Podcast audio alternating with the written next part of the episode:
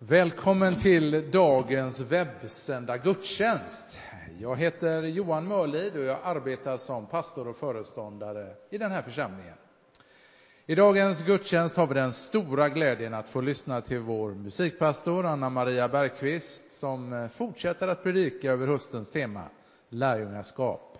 Daniel Johansson med team som du just har sett kommer att leda oss i sång. Jag ska läsa ett bibelord och därefter ska vi be för dagens gudstjänst. Jag läser Matteus 28 ifrån den sextonde versen. De elva lärjungarna gick till Galileen, till det berg dit Jesus hade befallt dem att gå. När de fick se honom tillbad de honom, men några tvivlade. Då trädde Jesus fram och talade till dem och sade åt mig har getts all makt i himmelen och på jorden. Gå därför ut och gör alla folk till lärjungar. Döp dem i Faderns och Sonens och den helige Andens namn och lär dem att hålla allt som jag har befallt er. Och se, jag är med er alla dagar till tidens slut. Låt oss be. Helige Gud, vi tackar dig att vi är i goda händer när vi är i dina händer. Vi tackar dig Jesus för att du har all makt. Inte bara uppe i himlen utan också på jorden, Herre. Herre, vi vill proklamera detta idag för oroliga själar, Herre, för hjärtan som kanske är ja, orolig för vad kommer att hända framöver, Herre. Herre, vi ber in, Herre, din kraft och styrka, Herre, din makt, Herre. Vi ber in detta i våra liv denna dag. Herre, vi tackar dig för att du ska vara med allt som ska hända och ske i den här gudstjänsten. Allting är i dina händer och vi ber att predikan, Herre, ska få träffa oss i våra hjärtan, Herre. Ska få stärka vår tro, Herre. Vi ber för sångerna, Herre, att de ska få liksom bli sånger som vi har med oss in under veckan, Herre, som kan lyfta oss i tuffa stunder, Herre, i eh, livets hårda strapatser, Herre. Vi vill tacka dig, Gud, att vi då får med hjälp av sångerna och predikan lyfta blicken, Herre. Tack för att du hör vår bön. Vi ber så i Jesu namn. Amen. I förra veckan så predikade Johan utifrån Matteus 28, 18-20, som oftast kallas för den klassiska missionsbefallningen. En otroligt bra och utmanande predikan om att gå på Jesu, Jesu ord och göra lärjungar. Men inte bara vid ett enstaka tillfälle, utan som livsstil. För som Jesu lärjungar är vi både gående, döpande och lärande. Och under hösten kommer vi att prata om lärjungaskap som tema utifrån de här orden. Eh, men idag skulle jag vilja ta oss med till det som händer precis innan det här berömda uttalet, som Jesus gör när han träder fram och säger, precis som vi har läst också, åt mig har getts all makt i himlen och på jorden. Det händer någonting precis innan det här tillfället. Eh, och Johan läste inledningsvis eh, de verserna eh, ifrån vers 16, Matteus 28, från vers 16. Eh, där det står att de elva lärjungarna gick till Galileen, till det berg dit Jesus hade befallt dem att gå. Och när de fick se honom tillbad de honom, men några tvivlade. Och utifrån den här ganska korta texten så ser vi att de gick till det berg i Galileen dit Jesus hade befallt dem att gå. Men när gjorde han det? Vi kan bland annat se det i samma kapitel när kvinnorna möter en ängel vid den tomma graven. Då står det så här. Han är inte här. Han har uppstått som han har sagt. Kom och se platsen där han låg. Och gå genast och säg till hans lärjungar att han har uppstått från de döda. Se, han går före er till Galileen. Där ska ni få se honom. Nu har jag sagt er det. Och då stå, så står det vidare, de skyndade då genast iväg ifrån graven med bävan och stor glädje sprang de för att berätta det för hans lärjungar. Plötsligt mötte Jesus dem och hälsade dem. De kom fram, höll om hans fötter och tillbad honom. Och då sa Jesus till dem, var inte rädda. Gå och säg till mina bröder att de ska gå till Galileen. Där ska de få se mig. För först så säger då ängeln att han går före er till Galileen. Sen möter Jesus dem själv när de är på väg att berätta för lärjungarna och säger gå och säg till mina bröder att gå till Galileen. Och nu står de här, de elva lärjungarna, på den plats där Jesus hade befallt dem att gå. Och så står det, när de fick se honom tillbad de honom, men några tvivlade. Tänk dig in själv, de ser honom, honom som de har följt i tre års tid. De har sett honom göra under och mirakel, gå på vatten, undervisa med makt och auktoritet och så vidare. Han har dött på ett kors framför deras ögon, men sen uppstått från de döda. Så den omedelbara reaktionen torde väl vara wow, han lever. Han är verkligen den han sagt sig vara. Nu kan vi bara falla ner och hylla honom, tillbe frälsaren, Messias, Guds son. Vilket de gör, eller i alla fall en del av dem. Ordet tillbe är proskynesan på grekiska. Det finns säkert olika sätt man kan uttala det på. Och det står för att man vänder sig i rörelse mot en plats i dess lokala närhet. Det är något som sker där och då på plats, i den stunden de ser honom. Deras omedelbara reaktion är tillbedjan. Eh, engelskan prostrate betyder att de kastade sig ner vid hans fötter, by the feet and worshipped him. En reaktion på vad de såg. De kunde inte annat än kasta sig ner. Det var liksom en stark reaktion på vad de såg där och då. Och någras tro måste ju uppenbarligen ha stärkts efter vad de har fått vara med om. De har sett honom uppstå. Men så står det också att det var några som tvivlade. Eller tvekade är också en översättning. Eh, grekiskan, nu får ni lite grekisk undervisning här. Edistasan betyder doubted på engelska. De tvivlade helt enkelt. Ordet innehåller tankar och tvivel eh, som, som talar om vad är det som säger att han inte kan bli gripen igen. Vi har ju sett hur det gick förra gången. Vi satsade allt och han blev gripen och dödad. Vad är annorlunda den här gången? Ordet står även i betydelse av att pendla mellan två lägen. Att man har en dubbel hållning till någonting. Man är velig. Man kan inte bestämma sig för vilken väg man ska gå eller vilket steg man ska ta. Det är svårt att ta ett beslut helt enkelt. Ska jag tro? Ska jag inte tro? Fast de ser honom så tydligt och klart så vacklar de. Ska de våga tro på vad de har sett och hört? Ska de våga gå på det? Även på Gamla testamentets tid så velade folket. I Första Kungaboken 18 och 21 så står det Elia trädde fram för allt folket och sa Hur länge ska ni halta på våra sidor? Om det är Herren som är Gud, så följ honom. Men om det är Bal, så följ honom. Men folket svarade honom inte med ett ord. Det finns även situationer på andra ställen i Nya testamentet. Ta till exempel Petrus, när Jesus kommer emot lärjungarna på vattnet i Matteus 14. Petrus säger, Herre, om det är du, så befall mig att komma till dig på vattnet. Han sa kom. Och Petrus steg ur båten och gick på vattnet fram till Jesus. So far so good.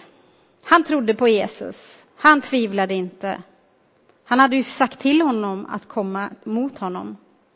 Men, fortsätter berättelsen, när han såg hur stark vinden var blev han rädd.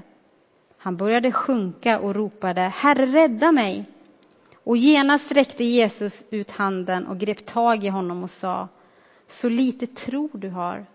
Varför tvivlade du? Där och då så tappade Petrus fokus. Tron kanske på att Jesus verkligen var den han hade sagt sig vara. Det fick sig en törn på grund av omständigheterna han stod i.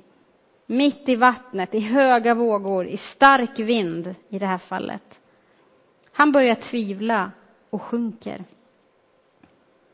Något som Jesus faktiskt undrar varför han gör efter att han har räddat honom.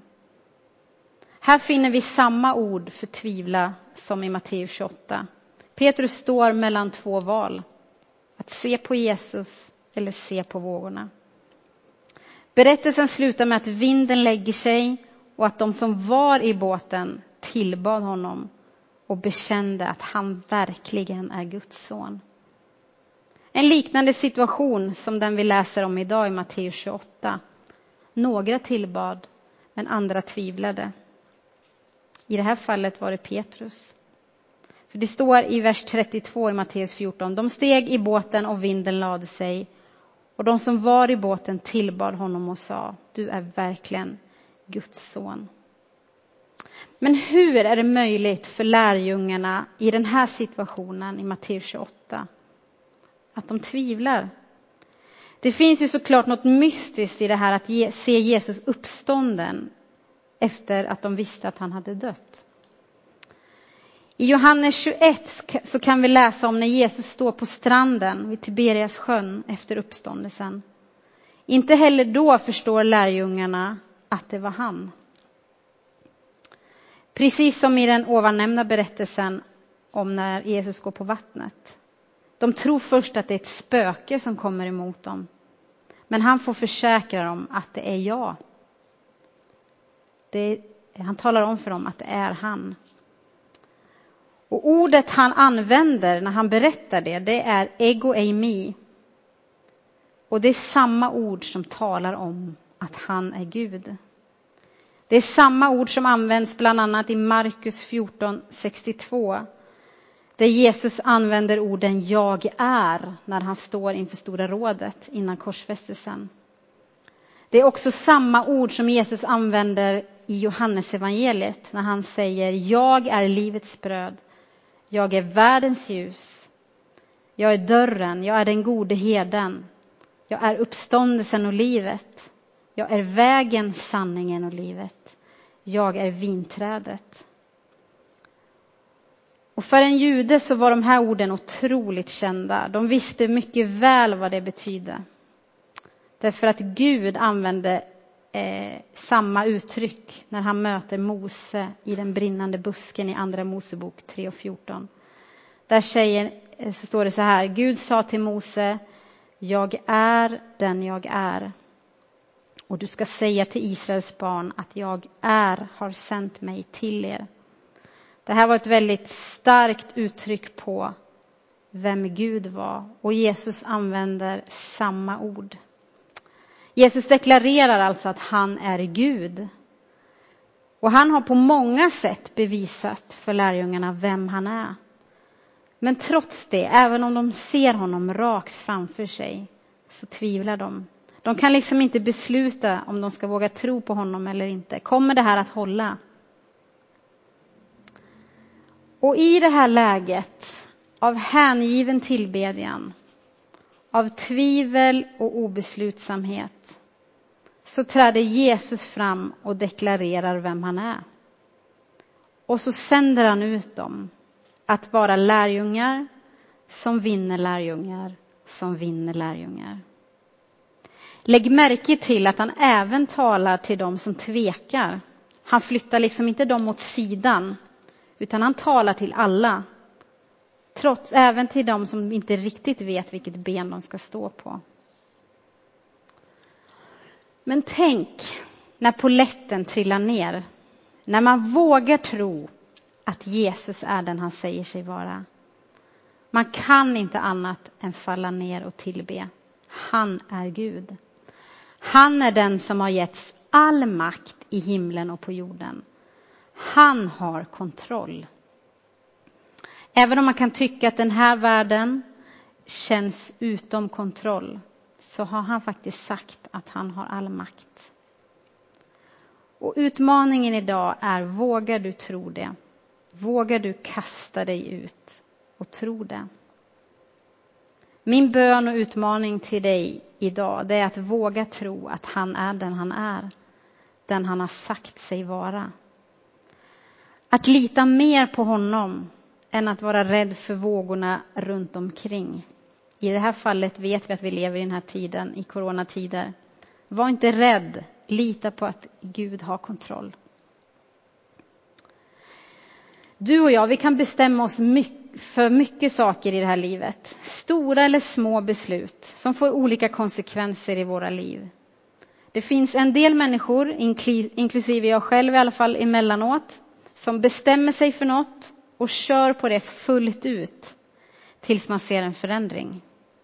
Detsamma kan vi göra här när det gäller Jesus. Vi kan bestämma oss för att Jesus, jag vill tro på dig fullt ut och låta det få konsekvenser i mitt liv. Sen har vi tider av tvivel där vi undrar var han är någonstans.